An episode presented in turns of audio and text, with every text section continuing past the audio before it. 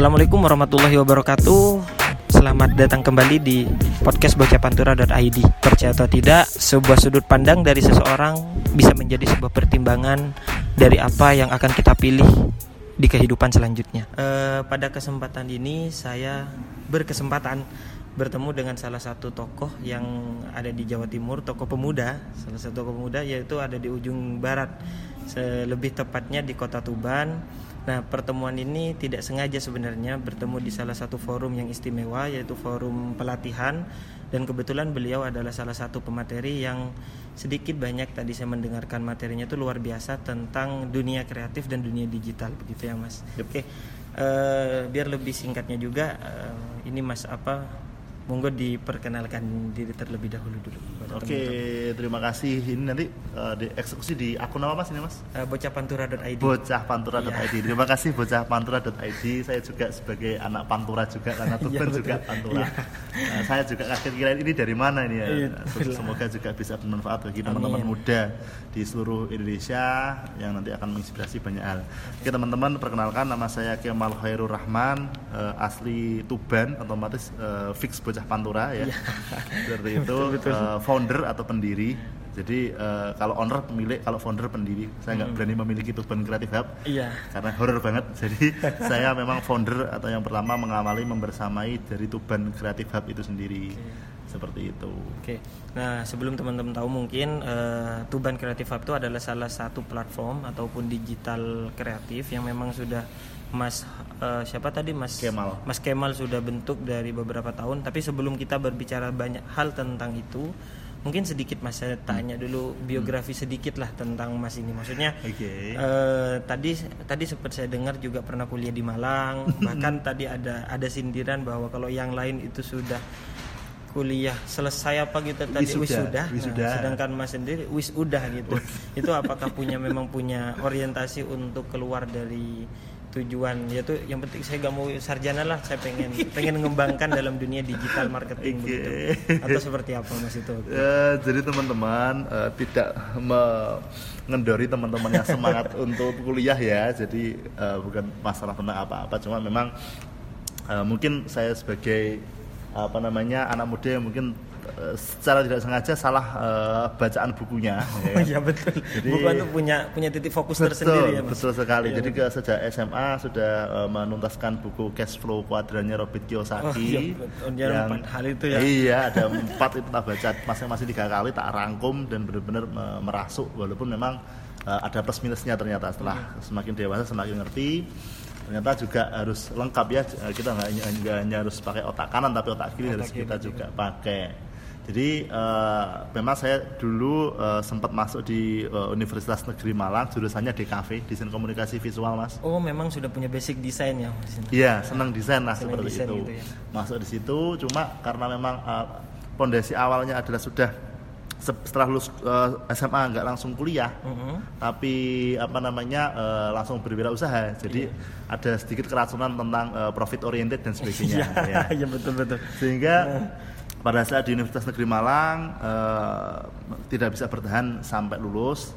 uh, karena sambil kuliah sudah mulai uh, dorong rombong di perempatan ITN Malang jual sepatu oh, lukis itu. betul oh, iya. jual sepatu lukis kaos lukis topis lukis yang ngerjain uh, apa yang ngerjain lukisannya di topi dan sebagainya itu anak-anak pang perempatan di ITN oh, Dalbo gitu. dan kawan-kawan ada oh, di iya, sana dan kawan-kawan ah di sana itu nah jadi uh, memang nggak sempat sampai lulus karena memang ya bukan hanya salah uh, baca buku bacaan ya cuma secara pribadi saya agak sedih terhadap kondisi uh, apa namanya pendidikan di Indonesia. Uh, uh, nah, sehingga iya, saya merasa uh, harus apa ya didobrak. Uh, uh.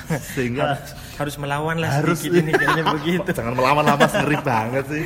Ya ya ya didobrak lah dalam arti uh, kita uh, sodorkan hal-hal penting tentang uh, mindset tentang apa namanya dasar-dasar apakah memang harus kita punya nilai 100 baru berani naik panggung. Oke. Nah, ya, itu sih fondasi harus melihat apakah itu. se- apakah harus melihat secara kuantitatif Yep, nilai atau betul memang sekali. kualitas kita itu berbeda dengan yang lain. Betul gitu ya. sekali. Kita sering kehilangan substansi. Eh, eh, substansinya Iya, hilang. Jadi karena orang lain sudah ngejar semuanya harus IPK sekian, jadi semua orang harus melakukan itu gitu. Padahal Iya. ada lain yang memang bisa dilakukan. Betul, betul, betul. Jadi eh, indikator ini berkaitan dengan indikator. Hmm, indikator. Jadi indikatornya apa sih?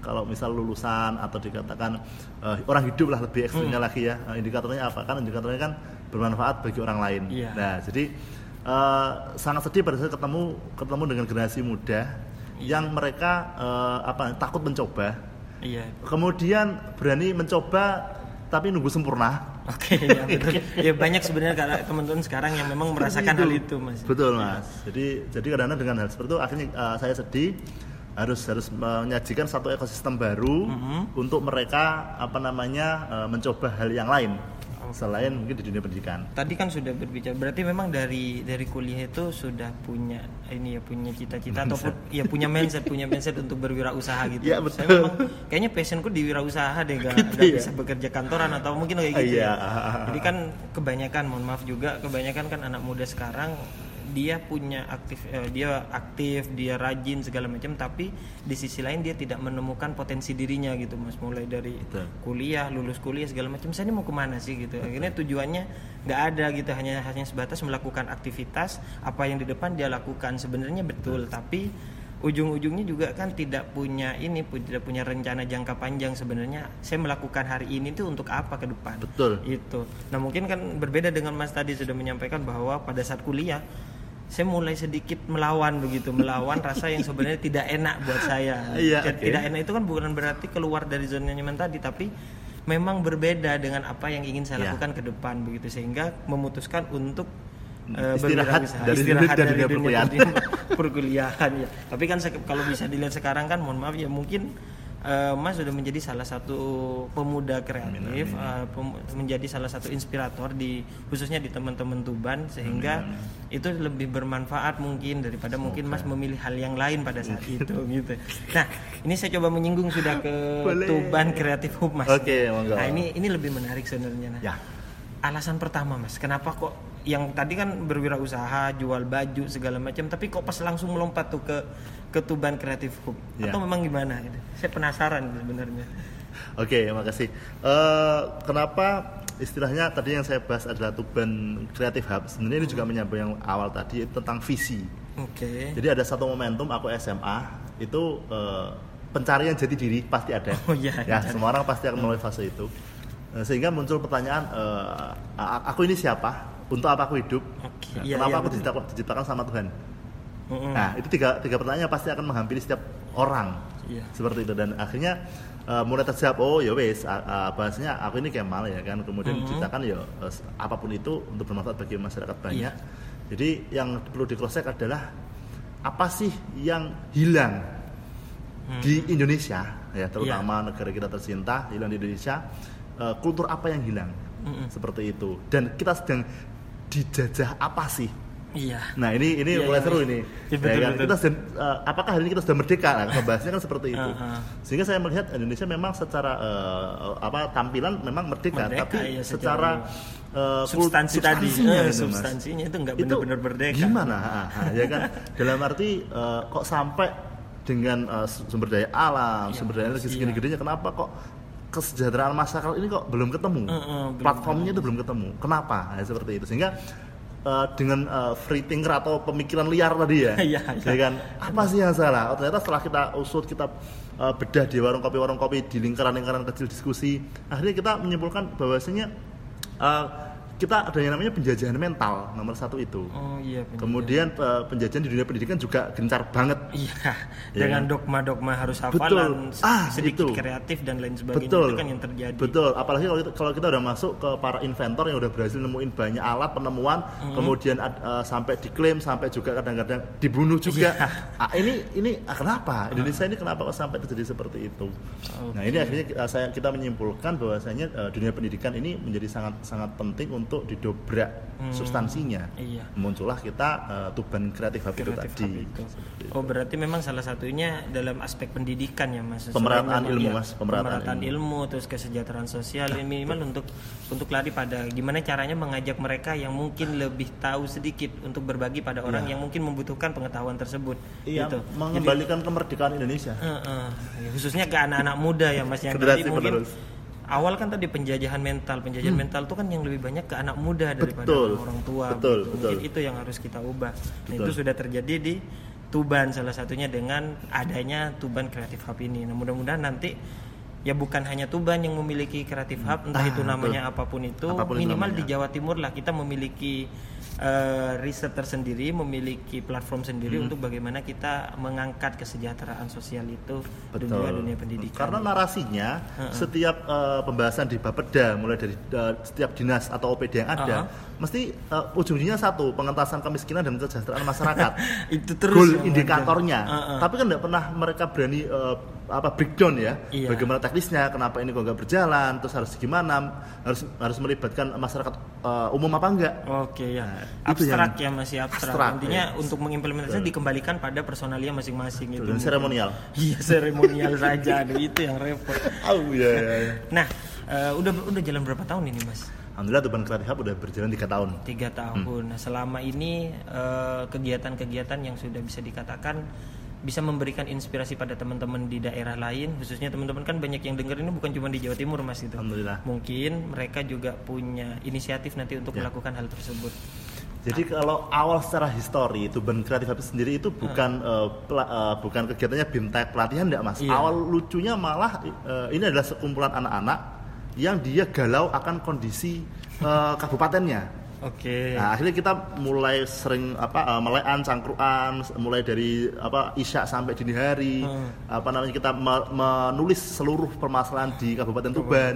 Akhirnya muncul juga yang kita mampu eksekusi pertama adalah tentang uh, lingkungan yaitu kebersihan pantai. Oh iya. Ya, bersih Oh iya, pantai Mas, itu Tuban kan dekat pantai Nah, ya. dekat pantai dengan garis pantai lumayan panjang dengan tapi sampahnya setiap hari kiriman yang ngeri banget. Akhirnya Tuban Creative Hub itu awalnya dari bersih-bersih pantai malahan. Oke, gerakan Awalnya. pertama ya. Gerakan masih- pertama itu di YouTube-nya ada itu. Jadi kita eh, datang ke Pok Darwis atau kelompok sadar wisata di wisata eh, pantai itu tadi. Eh, kita sempat diskusi ternyata bahkan mereka udah keluarin uang 4.800 setiap bulan itu nggak bisa bersihin garis pantai sepanjang hampir eh, 2 km. Dua kilometer. Keren loh itu 2 km Iya, ya. dan itu Kayak terus Bali ada ya, Mas? Dan terus ada karena memang kultur masyarakatnya buang sampahnya ke laut Ke laut ya. seperti itu. Nah dari situ kita mikir oh ya 4 juta aja nggak bisa selesai. Kenapa sih ya? Ini ini pemikiran-pemikiran dan pengen cross check di lapangan. Akhirnya kita cross check lapangan. Oh ternyata tekniknya adalah mereka eh, apa nek bahasa Jawa ini jumputi ya apa istilah itu ngambil manual Mungutin, mungutin, satu Ah. persatu Iya. sepanjang garis pantai itu gila kan nggak selesai. Iya, berarti bayar orang berarti. Bayar Di orang dua orang itu nggak bisa mas, nggak bisa itu. Akhirnya dari teman-teman kreatif hub punya inisiatif kita eh, apa namanya karena namanya Tuban Kreatif Hub. Mm-hmm. Kalau diartikan berarti Tuban di Kabupaten Tuban kreatif dengan cara kreatif hub menghubungkan. Iya. Jadi menghubungkan dengan cara kreatif di lingkup Kabupaten X misal Tuban Iya, seperti itu. Sehingga kita akhirnya di situ punya eh, satu culture yang namanya R&D Research and Development. R&D. Nah, research and development apa sih yang harus kita lakukan? Oh ternyata kenapa kok lama bersihin pantainya? Karena dia mungutin satu persatu. Kenapa kok nggak bikin semacam eh, garu pantai? Dia Iya. besi kemudian pakai garu, si garu di- dicantolin di eh, mobil jeep atau Uh-huh. di eh, pickup, kemudian ditarik. Derek, iya, Di- di- ah, di- ah. ditarik. Ditarik kan? Akhirnya di- itu akan ngumpulin sampah di satu titik, satu dua titik. Mm-mm. Nah itu akhirnya kita karena di Tuban Kreatif Hub saat itu banyak sekali lintas subsektor ya. Ada yang tukang las, ada yang tukang kayu, ada ada fotografi, ada videografi dan Iya. sebagainya. Uh-uh. Akhirnya eh, kita eh, cari barang-barang bekas di apa namanya gudang kita, kemudian dilas jadi garu itu. Oke. Kemudian eh, kita kerjasama sama komunitas eh, apa mobil 4x4, Mm-hmm. kita coba garu mas. Alhamdulillah kita riset dalam ja- eh, 200 meter itu kita cukup tiga orang nyelesain dalam jangka waktu satu jam. Waduh, Padahal kalau di manualin ya, Uh-uh. 200 meter itu butuh 40 orang dikerjain 4 jam. 4 jam. 40 orang ke situ. 40 orang. Seperti itu. Efisien akhirnya. Iya. Nah itu sempat viral karena kan kita nggak hanya bikin apa eh, proses pengerja apa namanya kegiatan ya, tapi teman-teman yang hobinya fotografi, videografi juga mulai ngeviralin itu jadi Ah, iya. video, disebar di sosmed Tuban. Jadi dari pertama uh, gerakan pertama itu dikerjain cuma 4 5 orang, akhirnya di gerakan terakhir itu uh, acara ke berapa? Oh, itu continue ya Mas Continue satu minggu sekali. Oh, satu minggu ya, sekali. sampai terakhir itu dari empat orang akhirnya terkumpul 141 orang ikut bantu bersih pantai bareng. Okay. Ah itu di videonya keren banget itu. Mungkin nanti saya juga bagi teman-teman lihat di mana? Di, di Instagramnya Tuban Creative Hub. Creative Hub ada. Ya walaupun belum keren sih YouTube-nya. Iya nanti, nanti saya lihat aja. Kan kalau YouTube-nya nanti belakangan yang penting videonya itu kan okay. edukasi gitu. Betul itu. Oh, awal okay. awal mula seperti itu Mas. Awal, awal mula. mula. Sehingga setelah itu mungkin sudah banyak yang kenal dan sering banyak kegiatan-kegiatan selain memang peduli lingkungan tadi pendidikan juga ya Mas. Ya. Jadi setelah kita uh, lingkungan oke okay, ternyata bisa diselesaikan dengan cara seperti ini. Uh Kemudian kita mulai uh, apa bertanya-tanya lagi apa berikutnya. Iya. Wah gila ternyata pemerataan ilmu ini parah banget karena pengangguran banyak banget. Okay. Kemudian uh, efek dari pengangguran kan pasti kan berdampak pada ekonomi ya, iya. kemiskinan dan sebagainya. Hmm. Kalau kita mau mengentaskan kemiskinan ya otomatis jangan hanya kasih ikan, kasihlah kail. Oke, okay, okay, ya, betul, ya. Nah, uh. permasalahannya yang punya kail itu berapa orang, mampu nggak dan sebagainya. Akhirnya kita uh, pikirkan bahasnya bagaimana bagaimana pemerataan ilmu itu bisa terjadi. Mm-hmm. Sehingga kalau kita mau meratain ilmu, berarti kan harus kumpulin data dulu. Data dulu. Data trainer. Berarti main lagi ya R&D tadi. R&D lagi kita. Ah. ah. Berarti emang harus kuatnya di data lead bank ya, Mas, penelitian uh, dan pengembangan. Oke, okay. good. bahasa politisnya kan begitu. bahasa bapedanya iya, gitu. Bahasa bapedanya kan lead bank. Seperti itu. Sehingga akhirnya kita uh, paham oh ternyata segala sesuatu itu fasenya tiga, pendataan, pemetaan, pemrograman. Jangan bilang program, jangan bilang pemetaan kalau kita nggak punya data. data. Iya, kuncinya di data. Kuncinya kuncinya di data. Karena memang kan setiap persoalan apalagi di setiap daerah itu kan berbeda-beda. Iya. Dan munculnya kan di data itu. Iya, variabelnya kompleks banget, dinamis banget. Uh -uh. Seperti itu. Nah, akhirnya dari apa namanya? Uh, kita mau bingung ini harus seperti apa untuk pemerataan ilmu biar mereka punya skill, biar mereka ada yang beli secara jasa mereka. Hmm. Berarti harus kita punya trainer. Udah oke okay lah kita lihat bagaimana sih kreatif hub di luar di kabupaten besar uh, Bandung, Jakarta. Oh, ternyata uh -huh. di sana ada hashtag uh, hujan bimtek semacam itu. Hujan bimtek, ah, oke okay, kita pakai apa namanya hashtag Tuban hujan bimtek. Oke, okay, nah, ada okay. nama Tubannya di depan. Oke, okay, hmm. akhirnya kita bikin apa namanya bimtek di 16 subsektor kalau kita bilang industri kreatif ya. Uh -huh. Itu kita uh, mulai ada peserta nggak ada peserta, kita akan tetap lanjut bikin bimtek satu minggu bisa lima kali bisa enam kali oh. di warung-warung. Oh itu bukan nggak punya tempat mas ini? Kita nggak punya tempat guys. Oh berarti memang ketika di mana itu berarti konfirmasi dulu melalui media sosial Betul. Gitu, di kafe apa? Karena di industri uh, di apa di Creative Hub itu kan kita harus ngerukunin lima pentahelix ya, lima hmm. lima sisi yaitu A B C G M. A, akademisi, businessman, community, government dan media. Ini kalau kita mau bentuk city branding, hmm Nah ini kita harus bisa ngerukunin lima, lima hal ini tadi. Iya lima elemen lima itu. elemen ya. tadi harus harus rukun harus saling sinergi seperti mm. itu. Nah akhirnya uh, otomatis kita awali dari apa namanya uh, pendataan dulu. Mm-hmm. Nah, kita bikin data data trainer dengan cara kita ada ini bimtek. Mm. Nah, ternyata para B, para bisnis, warung yeah. kopi maupun kafe, mereka juga ingin kafenya rame. rame yeah. Nah, kita sounding tuh. Oke, Mas, kita jadiin event di sini ya. Oke, seneng. Aku harus bayar berapa? Nah, harus bayar konsumsi aja kasih. Oke. okay. Nah, sama-sama dapat win-win ah, solution kan. Win-win solutionnya Akhirnya mereka uh, mau ngasih tempat, bahkan ngasih konsumsi juga. Udah, kita jalan sebagai IO. Oke. Okay. Nah, jadi fungsi kreatif hub saat itu ah, menjadi event organizer. Event organizer. Ah, akhirnya kita bikin pamflet, sebar apa namanya uh, apa namanya uh, undangan, undangan atau dikatakan ke umum. Umum ya Ya, nah, setelah mendapatkan trainer. Kan kita juga uh, selain kita mengunjungi para businessman, kita juga mengunjungi para community. Alhamdulillah di Tuban hari ini datanya 97 komunitas mulai dari komunitas reptil, kemudian bahkan sampai komunitas orang klub, mabok. Klub, eh, iya. Ya, orang mabok aja oh, iya. ada di situ. komunitas orang mabok. Ada, uh, jadi akhirnya kita ketemu dengan para master di setiap komunitas. Hmm. Yang di, dia ketuanya ya Mas. Ketuanya, ya, yang mereka kita uh, dorong untuk jadi trainer yang sekaligus kalau mereka bikin event otomatis kan ada uh, potensi regenerasi kom, apa komunitas. Iya regenerasi komunitas. Nah, cuma mereka bingung karena nggak nggak bisa nggak biasa IO. Uh, uh, akhirnya untuk memanajemen untuk memanajemen dan itu susah. Termasuk kas uang kas. Iya. Nah makanya kalau kita bikinkan event si komunitas juga seneng banget. Hmm. Jadi bisnismen dapat, komunitas dapat.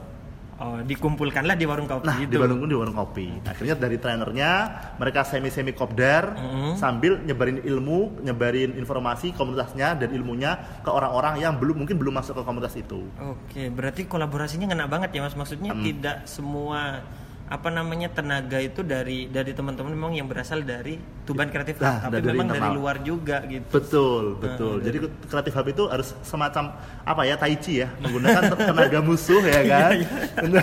Seperti Ih, itu strateginya sampean udah luar biasa nih Mas. Ah ya jam itu sih mas. Jam Kita terbang. sering hancur di lapangan makanya mau nggak mau harus sakti kan gitu. Iya. Gitu. Jadi akhirnya udah dapat uh, ter- terlaksanalah Hmm. uh, acara tadi uh, apa namanya bimtek. Iya. Nah, Sebelum uh, peserta masuk kita pasti ada Google Formnya dulu Oke. dan rinci nama, alamat, nomor WA, hobi, keinginan uh, ilmu, longgarnya satu minggu hari apa dan jam berapa sampai level itu. Oh, dan itu disebar ke setiap komunitas itu nantinya. Disebar ke umum kalau mau ikut uh, pelatihan itu harus ngisi formnya itu. Oke, ya. Oke, Itu akhirnya jadi database. Jadi database. Ah. Ya, nah, kita tahu akhirnya oh ada anak ini uh, desa dari desa mana punya skill apa. Jadi kita punya sampai kita petakan Iya, kita, ya. kita punya akhirnya. Jadi dari data kita petakan kita tahu desa A engine penggerak desanya, potensi engine penggerak desa kita tahu. Iya. Itu yang disukai Pak Kadesnya. nah, Oke, kita iya. punya. Nah, Iya, itu. iya. Oh, berarti memang selain masuk ke kabupaten nih ya. Mas, khususnya di daerah pekotaan lah kalau di daerah Tuban. Itu masuk juga ke ke pemberdayaan desa itu Nah, Mas. jadi karena memang fase itu kan dulu ada Tuban Kreatif Hub, kemudian kalau divisi untuk apa namanya eh, pendidikan namanya posprit, Posprit singkatannya pos privat. Oke, Jadi setiap orang menjadi pos privat bagi orang lain. Bagi itu orang sampai kita lagi building aplikasi namanya Posprit ini tapi kemarin sempat jadi aplikasi kita kembalikan ke web base. Hmm. Karena memang kalau ke desa-desa belum tentu HP-nya mumpuni untuk Iya. Android dan sebagainya. Kita kembalikan ke web base. Ap- eh, apa eh, fungsi dari uh, Postsprit itu tadi adalah suatu web base yang di dalamnya adalah kita mendata skill per individu Hmm. pemuda sekabupaten Tuban.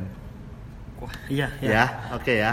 Jadi Iya, anggap aja kita ketemu betul. orang, kita nggak kenal nggak kenal orang itu, tapi anggap aja di sebelah apa eh, kepalanya di sebelah tangan tangannya itu ada eh, orang ini pernah pernah pernah ikut materi ini, kemudian eh, apa namanya mau ngajarin jam berapa, lokasi di mana, kemudian menghandle berapa orang, Hmm. itu di di web base-nya seperti itu. Sehingga suatu saat kalau cucu kita Iya. bertanya kayak aku pengen belajar fotografi aku harus belajar ke siapa jawabannya selalu sama oke buka website Postprit Ha-ha. cari materinya hubungi relawan pengajarnya Oh iya, berarti itu jangka panjangnya. Maksudnya mereka itu nyari mood ada di situ gitu ya. Betul jadi TOT ya Ha-ha. cuma kita kan hari ini kan kita bingung kalau misal kita pengen belajar apa pun kita nggak tahu harus belajar ke siapa Iya. nah itu kembali lagi ke pendataan Mm-mm. nah karena kenapa eh, kita kasih gratis di setiap BIMTEK Mm-mm. karena dengan syarat kalau nanti kamu bisa ilmu ini tolong ajarin orang lain juga Iya. pada saat dia oke Kausalitasnya gitu ya. Betul, saatnya seperti itu. Dan pada saat dia udah berani ngajarin orang lain, kita ajak daftar di website itu. Mm-mm. Ya, jadi akhirnya dia daftarin, dia uh, apa ikut materi apa, yang oke ikut materi apa, kemudian jam apa, jam berapa mereka mau ngajarin, lokasi di mana, maksimal menghandle jam berapa. Oke. Jadi iya. akhirnya pernah sampai terjadi sesuatu itu uh, volunteer beranak pinak volunteer beranak pinak. secara organik. Jadi, jadi misal gimana itu mas? Aku ngajarin orang untuk uh, desain pamflet menggunakan aplikasi Android. Iya, Oke, 10 orang ternyata yang bisa dan berani daftarin di website itu adalah tiga orang. iya. Nah, kemudian apa namanya di momentum yang lain eh, ada orang itu minta ngajarin ilmu yang sama. Mm-mm. Aku tolak karena apa? Sebenarnya udah ada tiga database eh, trainer Yang sudah berjalan. yang sudah berjalan. Kamu bisa akses orang itu. Oh, Karena aku akan ngajarin ilmu berikutnya. Kalau aku kembali ke satu, aku capek. iya betul. Karena Ngasih. teman sudah ngasih yang ketiga tadi. Betul. Nah, ternyata dari situ mereka mulai mengakses dari tiga volunteer di Hmm. bidang materi tadi itu jadi lima, minggu berikutnya jadi tujuh, minggu berikutnya jadi otomatis Oke. beranak pinak.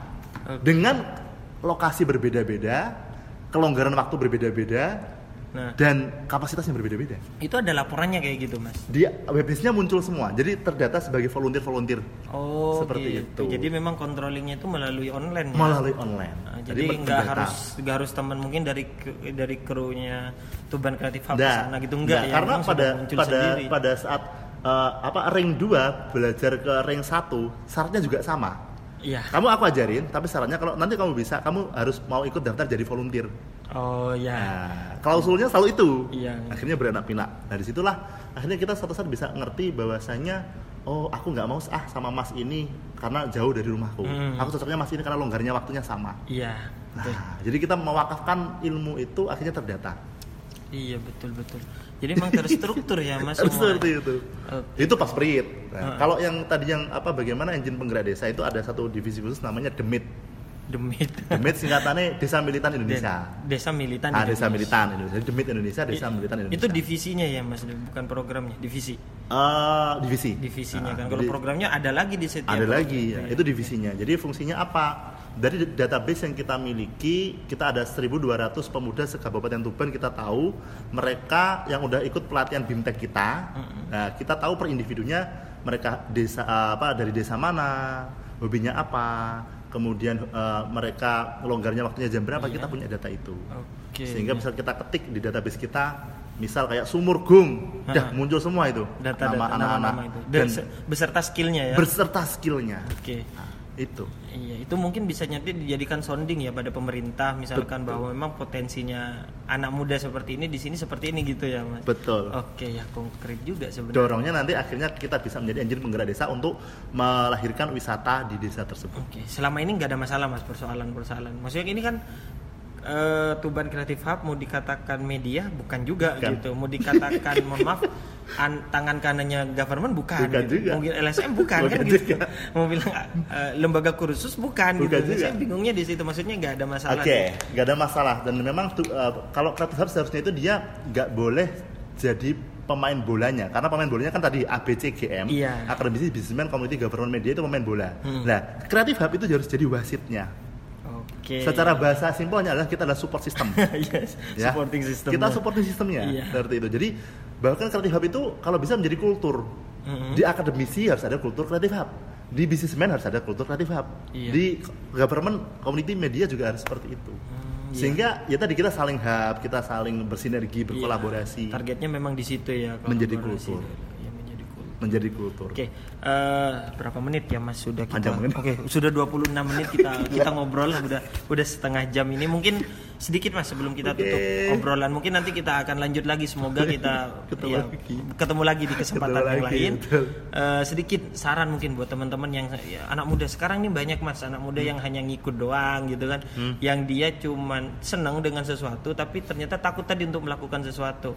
Atau dia sudah tahu nih masalah desa seperti ini, masalah daerah, bahkan masalah yang benar-benar krusial di lingkungan mereka. Hmm. Mereka sudah tahu gitu tapi tidak mau melakukan sesuatu. Nah, Hmm. itu sarannya buat kita ini Mas anak muda yang masih belajar Ya, lah. oke. Kalau saran saran saya kepada seluruh anak muda se Indonesia, Iya. ya, sebenarnya simpel banget. hab- ini aja apa namanya? Nikmati proses, habiskan kuota kegagalan. Dah itu aja wes. Kuncinya gitu. ya. Kuncinya itu aja. Nikmati proses, habiskan kuota kegagalan. Nikmati prosesnya, habiskan kuota kegagalannya. Karena setiap manusia itu sebenarnya punya kuota kegagalan yang diberikan oleh Tuhan, oleh Allah Iya. Subhanahu wa taala. Kita itu tugasnya menego agar dapat diskon dan kortingan. Iya. Sehingga kita mendekati uh, keberhasilan ya. Iya, iya, betul. Gitu. Jadi kita memanaskan diri kalau versinya Mario Teguh kan seperti Hmm. itu. Jadi untuk anak-anak muda se Indonesia se uh, apa Nusantara nikmati proses habiskan kuota kegagalan. Dalam arti apa teknis-teknisnya? Eh, jangan nunggu videomu perfect, jangan nunggu fotomu perfect untuk ngupload di Instagram, untuk ngupload di YouTube. Nikmati aja prosesnya, upload Hmm. Jalan. aja sebisanya, Jalanin jalan aja, aja, dulu ya. Ah. sebisanya. Nanti kamu akan uploadan di tahun ketiga kamu akan ketawa pada saat lihat uploadan yang pertama. ya mungkin juga saya begitu nanti mas Iya. karena bocah pentur.id masih satu tahun belum belum satu tahun lah begitu berbeda dengan Tuban Creative Hub. Oke eh, mungkin mas sedikit eh, teman-teman mungkin nanti pengen kepo. Kan kalau Tuban Creative Hub sudah tahu nih Instagramnya, YouTube-nya. Mungkin eh, akun pribadi mas mungkin bisa disampaikan ke teman-teman mungkin kepo juga. Oke, eh, Tapi ini udah punya, mohon maaf udah punya istri sekarang? Nah, sudah, Oke, sudah. sudah sold out ya teman-teman. Sudah Jadi silakan tonton cuman mungkin mau sharing online dengan beliau ramah kok beliau orangnya. Oke, Siap. silakan. Oke teman-teman kalau via telepon memang eh, saya tidak ada, tapi Hmm. langsung ke via WhatsApp aja. Oke. Jadi dan WhatsAppnya kalau bisa jangan teks ya, minimal eh, voice recorder dan eh, picture boleh lah, image ya. Nomor WA-nya adalah 0856 454 85806 ya 0856 454 85806 jangan lupa voice recorder tanya-tanya dan nanti tak balas juga voice recorder. Siap, siap, siap, siap. Instagramnya Mas ada juga. Kalau Instagram pribadi sih ada tapi nggak penting ya. Okay, Kemal Khairul Rahman nggak apa-apa wis. Yang terpenting di YouTube uh, Tuban Kreatif. Ah, Oke, terima kasih waktunya. Sama-sama uh, bocah Pantura keren ya, abis. Amin. Mudah-mudahan nanti bisa tetap mengedukasi lah kita sama-sama bersinergi. Yuk. Uh, bertemu lagi di kesempatan selanjutnya. Kurang lebihnya mohon maaf dari saya. Wabillahi taufiq walhidayah. Assalamualaikum warahmatullahi wabarakatuh. Oke. Mungkin itu yang bisa saya sampaikan di kesempatan ini saya harap teman-teman yang mendengarkan bisa dijadikan apa yang saya sampaikan sudut pandang ini menjadi sebuah salah satu referensi, salah satu pertimbangan untuk teman-teman memilih sebuah pilihan dalam kehidupan. Oke, itu dari saya. Kurang lebihnya mohon maaf. Wassalamualaikum warahmatullahi wabarakatuh.